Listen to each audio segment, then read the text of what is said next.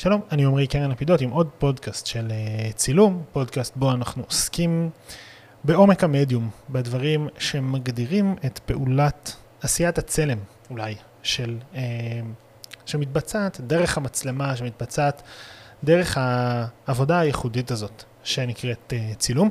והיום איתי גיא רז, עוצר הצילום של מוזיאון ארץ ישראל. ואולי אחד האנשים שאחראים אה, להחייאה של אין ספור צלמות וצלמים אה, מישראל, אה, באמת, מתהום הנשייה, מארכיונים מעופשים אה, וממקומות כאלה. את גיא אני פוגש עכשיו במסגרת אה, עבודת דיגיטציה, במידה מסוימת עבודת הצלה של אה, תצלומים בני למעלה ממאה שנה ממקווה ישראל, אה, אחד המוסדות הוותיקים אה, בישראל, אולי בית הספר החקלאי הוותיק ביותר. אה, ואנחנו נדבר איתו קצת על העבודה שלו, קצת על החשיבות הזאת, וגם קצת על החשיבות של מעשה הצילום בתור תיעוד, בתור איזשהו אה, אסמכתה למה שהיה בעבר. אז שלום גיא. בוא נתחיל, בוא תספר קצת איך הגעת לפוזיציה הזאת, כמה ככה נקודות בדרך. אז uh, בתור סטודנט בקאמרה אובסקורה, שסיימתי ב-1993, בעצם לא לימדו אותי את ההיסטוריה של הצילום בארץ. זאת אומרת, לימדו אותנו היסטוריה שהמורים שלנו למדו, אירופה וארצות הברית. וכבר בפרויקט הגמר שלי בקאמרה לא היה אף צילום שלי. זאת אומרת, כל הפרויקט גמר שלי עסק בצילומים ארכיונים. ופתאום הבנתי שיש פה היסטוריה של, של צלמים, של צילום. אה, זהו, ו... 95 עצרתי את הארוחה הראשונה של צלם באשדות יעקב, קראו לו אליהו כהן, בלי הכשרה באוצרות, בלי, זה רק עם תשוקה. וראיתי שאנשים אה, רוצים לראות את זה, את ההיסטוריה הזאת של המקום, של הצילום. זהו, ובעצם אה, בשנת 2000 אה, פניתי, למג... היה מגזין לאומנות שקראו לו סטודיו. Mm-hmm. ואמרתי לעורכת הראשית שאני רוצה לערוך גיליון, וקראנו לזה על היסטוריה של צילום מקומי, ובעצם ריכזתי שם את כל מה שאספתי, כולל מה שהבנתי שכתבו על צילום בארץ. והעמוד הראשון כלל 120 שמות של צלמים מתים. זאת אומרת, התחלתי לרשום את כל השמות שעברתי עליהם של צלמים, ומין הומאז' כזה, קיר זיכרון לצלמים. ואז באו אליי מהוצאת הספרים מפה. ואמרו, תוסיף 80 חיים, נעשה ספר צלמים. אז בגדול אנחנו מקצרים, מ-93, צלמי הארץ, הספר יצא ב-2003, אה, וזאת אודיסאה של עשר שנים. צלמי הארץ כולל, אם אני זוכר נכון, 100 צלמים, נכון? 200. 200. זה 120 아, ועוד 120, 80. אה, וזה בעצם פעם ראשונה שהספר, אה, המהות שלו הייתה היסטוריה של הצילום והצלמים. היו צלמים שקיבלו עמוד, היו צלמים שקיבלו שני עמודים, אבל לכל אחד בעצם ריכזתי את קורות חייו. נולד, עלה, פעל, צילם.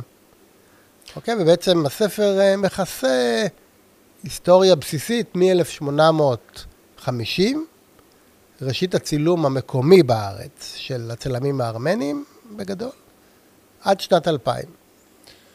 Yeah. עכשיו, קצת כמו שבצילום, יש לנו את הבחירה של מה ייכנס לפריים ומה לא, וכולם אומרים, לא עשיתי crop, כן עשיתי crop, אבל הפריים עצמו הוא crop. גם כאן, בסופו של דבר, יש 200, אבל היו חייבים אנשים להישאר בחוץ, אני מניח. אה, כן, אז קודם כל, אה, כשעובדים על ספר, אז יש איקס עמודים, ויש איקס תקופות. בכל תקופה בעצם ניסיתי ליצור איזה איזון, שהספר יהיה מאוזן.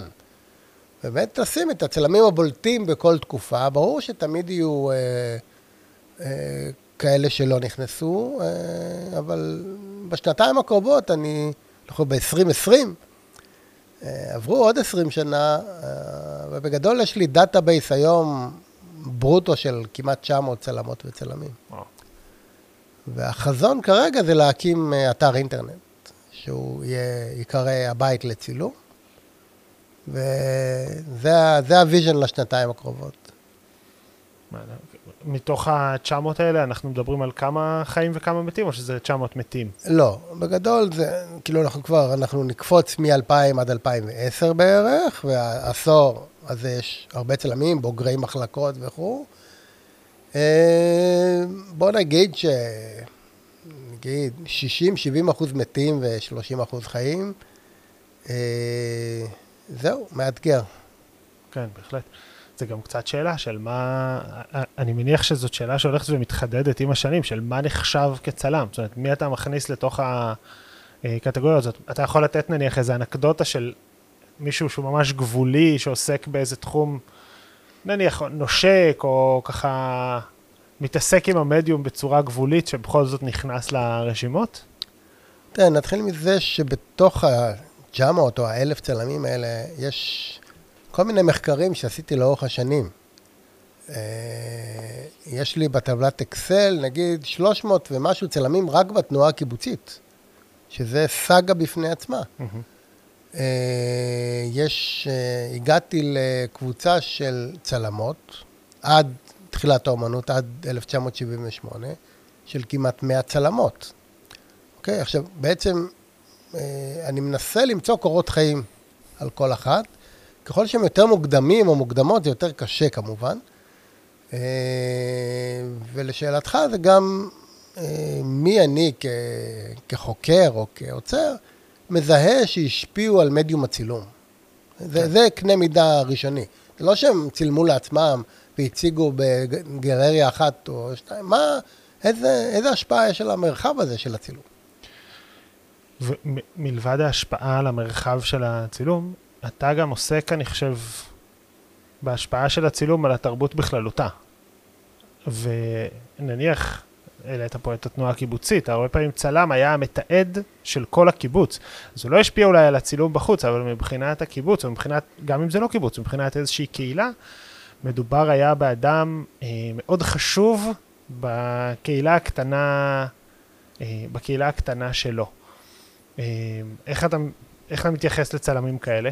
בגדול, אם ניגע בצלמי הקיבוץ, היום אולי הם חשובים, אבל כשהם פעלו, הם נחשבו לפרזיטים.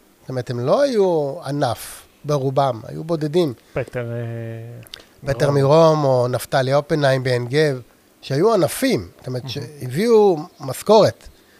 אה, ברובם זה היה, זה לא היה אומנות, כי לא הבינו שצילום זה גם אומנות. אם אתה לא צייר או פסל, אז היו מאבקים קשים על ימי אה, עבודה, ימי צילום, ימי השתלמות, אבל בדיעבד, בעצם כל צלם כזה, הוא, יש לו את בנק הזיכרון של הקהילה שבה הוא חי.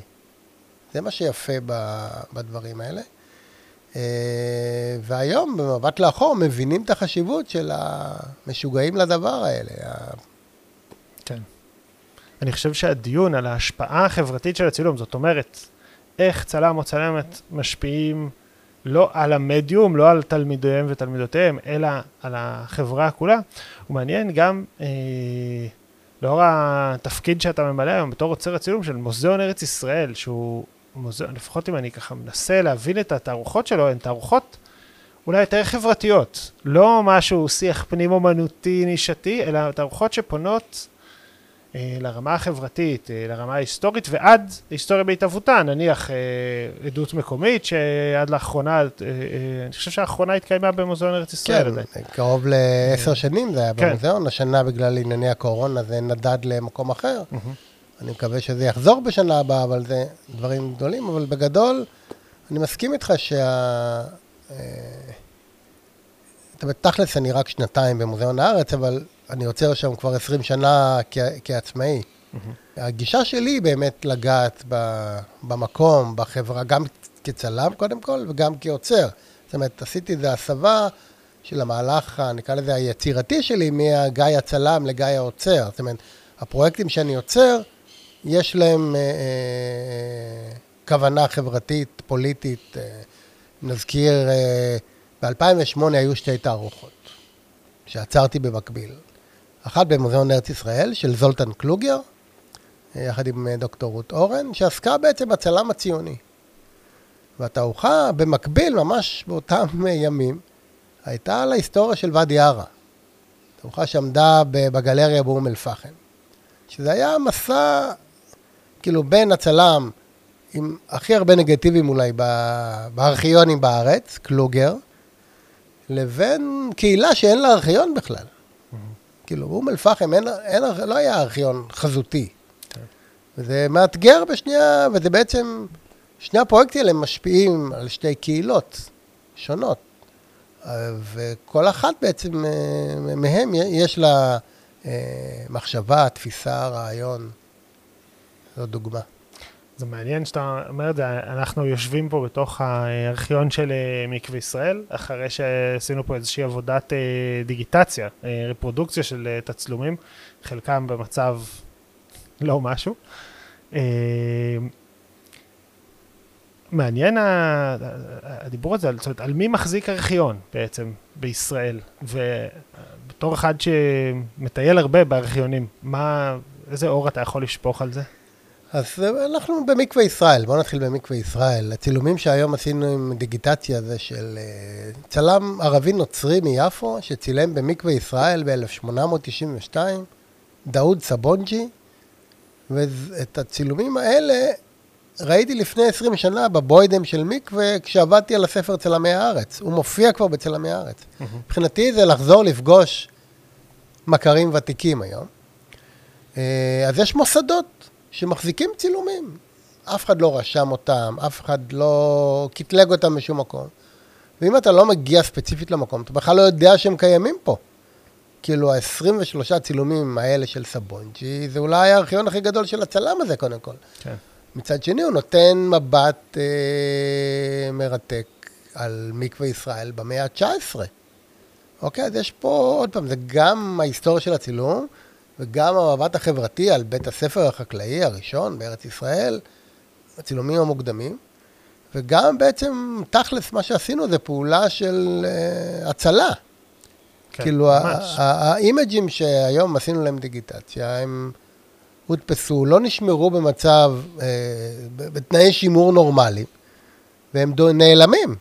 והפעולה של הדיגיטציה היא גם בעצם לשמר את זה לחוקר הבא, לדורות הבאים. אה, את מה שנותר. כן. כן. אבל אני מנסה לחדד את השאלה, כן. אה, ואני לוקח פה כיוון שהוא אולי פוליטי במידה, לגבי, אני חושב פוקו מדבר על זה, על הארכיון, על למי יש כוח אה, לייצר ארכיון, והאם מפת הארכיונים בישראל היא איזושהי מפה של אה, יחסי כוח, או שמדובר, אתה יודע, במי שהיה לו חשוב. אה, זאת אומרת... אה, זה, זה, זה לאורך השנים משתנה, כאילו זה תלוי בדרך כלל בארכיונאי, בדמות כן. האדם שמוביל את המהלך. יש את הארכיונים הלאומיים הגדולים, ארכיון ציוני, גנזך המדינה, ארכיון קרן קיימת. ויש את הארכיונים בקיבוצים או במוסדות, אין סוף. Mm-hmm. ובמהלך ה-20 שנה האחרונות, אה, מה שעושים, עם מי שיש לו תקציב, זה כן עושה דיגיטציה. כי מבינים גם אולי דרך תערוכות שנעשו, לא רק אני, עשו עוד, מכירים בחשיבות של הדבר הזה. אה, אני חושב שזה אמור להיות יותר, אה, יש איגוד הארכיונים לצורך העניין, זה אמור להיות בעצם, בגלל שלא עושים מזה כסף גדול. כן. אז בעצם זה צריכה להיות, אה, המדינה צריכה לתקצב את זה כדי שזה ייתן את המבט ההיסטורי, החברתי, התרבותי, על המקום. מבחינתי שכל הארכיונים יהיו פתוחים. שלא יהיה עמדות כוח. נגיד ארכיון צה"ל זה דוגמה קיצונית, כי הוא תחת סד של... אבל יש שם חומרים שבכלל לא קשורים לצה"ל, אבל הם שם, הם תקועים שם. בזמנו עשיתי תערוכה על צלם של העולם הזה, שגם mm-hmm. עבד במחנה, צלם בשם מקסים סלומון. אצל המשפחה נשארו 200 נגטיבים, ובארכיון אה, צה"ל נשארו עוד 500 נגטיבים. הייתי צריך לקבל, זה סיווג ביטחוני, לראות את הצילומים של מקסים סלומון, שעשה כתבות לבמחנה ב... אז פה יש עמדת כוח אה, שהיא נגזרת מהמוסד שאתה נמצא בו, אבל אה, רוב הארכיונים, יש כל כך הרבה חומר זמין, פתוח, יש פה עבודה ל-700 עוצרים ל-500 כן, שנה. כן, יותר חומר משנוכל... כן, אה, כאילו, לקרוא. אני סך הכל, עם כל הצניעות, אני די בודד במערכה, מדי פעם מצטרפים, באים, הולכים, אבל זה קשה, זה, זה אורך רוח, זה לא איזה... זה לא מעכשיו לעכשיו, זה היסטוריה. אבל זה באיזשהו מקום נותן לי איזושהי פרספקטיבה על הזמן והמקום. אם אני, היום אנחנו עוסקים בצילומים מלפני 130 שנה, עקרונית אני יכול לדמיין 130 שנה קדימה. כן. כאילו מה ש...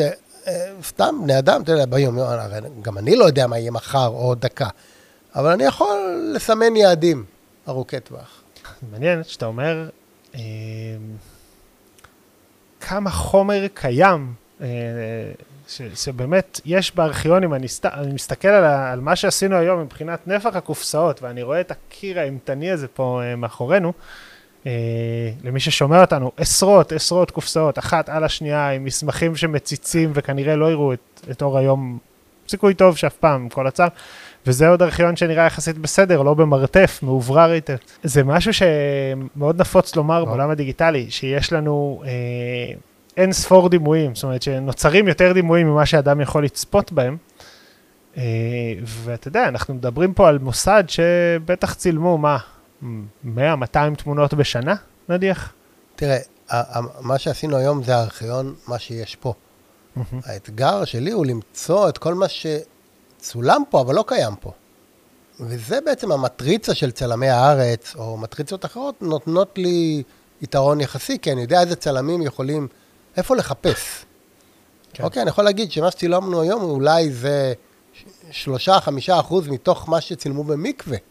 זאת אומרת, כאילו מסוסקין שהיה פה בשנות ה-20, אה, דרך קלוגר עד אה, בוריס כרמי ובנו רוטנברג.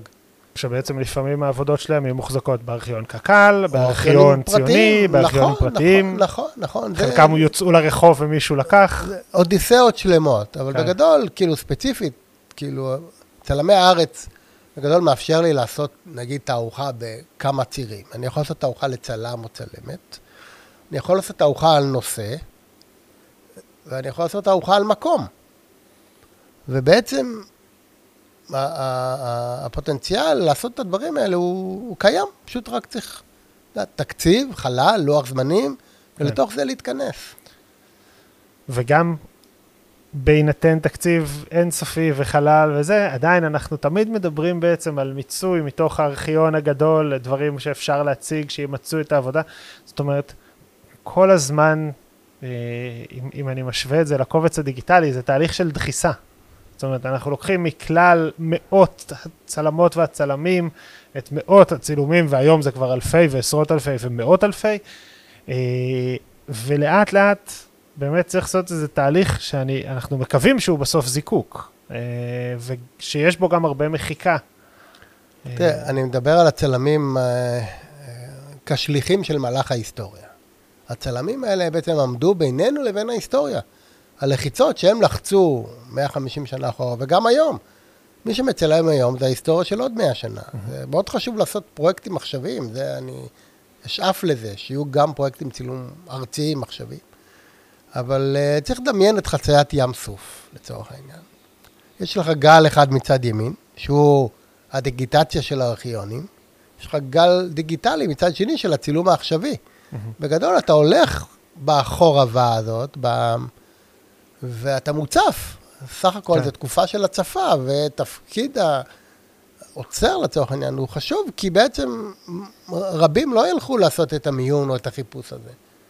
ויש גם אחריות בזה. זאת אומרת, הפריימים שאני אוציא, נגיד, עשיתי דויד רובינגר, ספציפית, הוא יושב בתוך ארכיון של ידיעות אחרונות.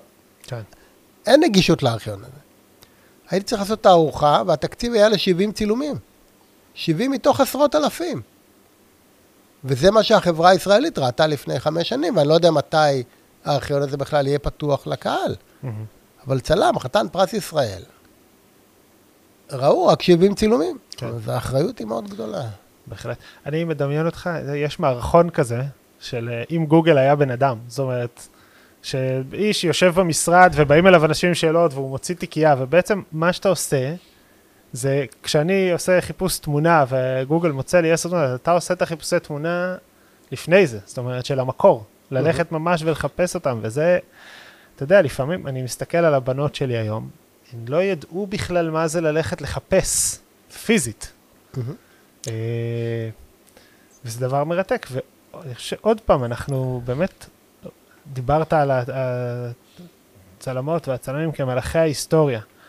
אה, נכון? הנציגים של הנצ- ההיסטוריה. הנציגים של מלאך ההיסטוריה. כן. אה, זה באמת, זה מתחבר, אה, אני קצת מתעסק פה גם במילים, באיך שמתואר הצילום, זה מתחבר למילה מדיום, זאת אומרת, הם מי שמתווך בין האירועים שקרו בזמן אחר או במקום אחר, במרחב אחר, והם יוציאו צלם של האירוע הזה, זאת אומרת, לא תיעוד מלא של האירוע, לא דיווח שכולל הכל, הם יוציאו איזשהו צלם של האירוע הזה, ויתווכו לנו אותו ממרחק של אה, דורות. היום, אף אחד מה... אני מניח שאף אחד מהתצלומים שעשינו להם דיגיטציה היום, לא בין החיים כבר.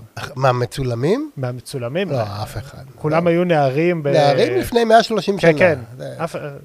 אף אחד לא חי. זה, כן, עכשיו לך תחפש מי עומד בשורה הימנית מאחור. כן. גם אין מי שייתן להם את הכיתובים אם זה לא מופיע על התמונה, או על התמונה מאחור, או באיזה מקום. זה מעניין, יש היום תחילתה של אה, אלגוריתמיקה של זיהוי פנים רב-דורי, אני חושב שיש את MyHeritage או מישהו כן. שמתעסקים בזה, מהמם. שאמור לנסות לזהות אחורה במשפחה. אה, בסדר, אני- אתה יודע, זה צריך מחשבי על. כן, כן, אבל זה הולך ו- הולך כן. נגיד שאם זה אני לא על-. אם אני אלך על תערוכה של 70 צילומים או 100 צילומים, ויהיה תקציב לזה, יהיה שווה אולי לעשות את האלגוריתם הזה. ולבדוק, אבל זה... כן. כן, זה מאתגר. סך הכל, אם דיברתי על הצלמים, כאלה שעומדים בינינו לבין ההיסטוריה, העוצר במקום הזה עומד בין, בין הצלמים להווה.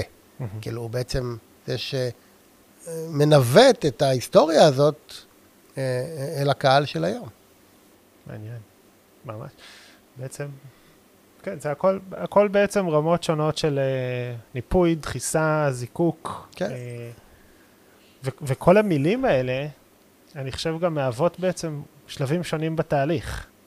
מהמם. זאת אומרת, יש את הניפוי שבעצם הוא גורע מידע, כשהתוצאה של זה צריכה להיות זיקוק של המידע שקיים. זאת אומרת, יש, אני מניח שכל מי שעסק או עסקה בצילום אה, או או אומנותי ואפילו מסחרי, יש שתי תמונות שהן מאוד דומות, ואתה צריך לבחור איזה מהן במצע יותר טוב. יש אגב, אה, יש תשובה אלמותית של אה, אגלסטון, נ- כשהוא מצלם, הוא מצלם רק תמונה אחת של כל לוקיישן. רוב הצלמים יורידו סרט, או שתיים, שלוש פלטות נניח. מהמם. אגלסון מצלם תמונה אחת, ואני זוכר באיזה ראיון, שואלים אותו, למה אתה עושה את זה? אתה לא עוזב. Because then I'll have to choose. מהמם. אז הייתי צריך לבחור, ו- ואין לו כוח לבחירה הזאת. יפה. אה, הוא מה שקורה, הוא מזקק כבר מול המצלמה, ככל הנראה. עושה עבודה טובה. כן.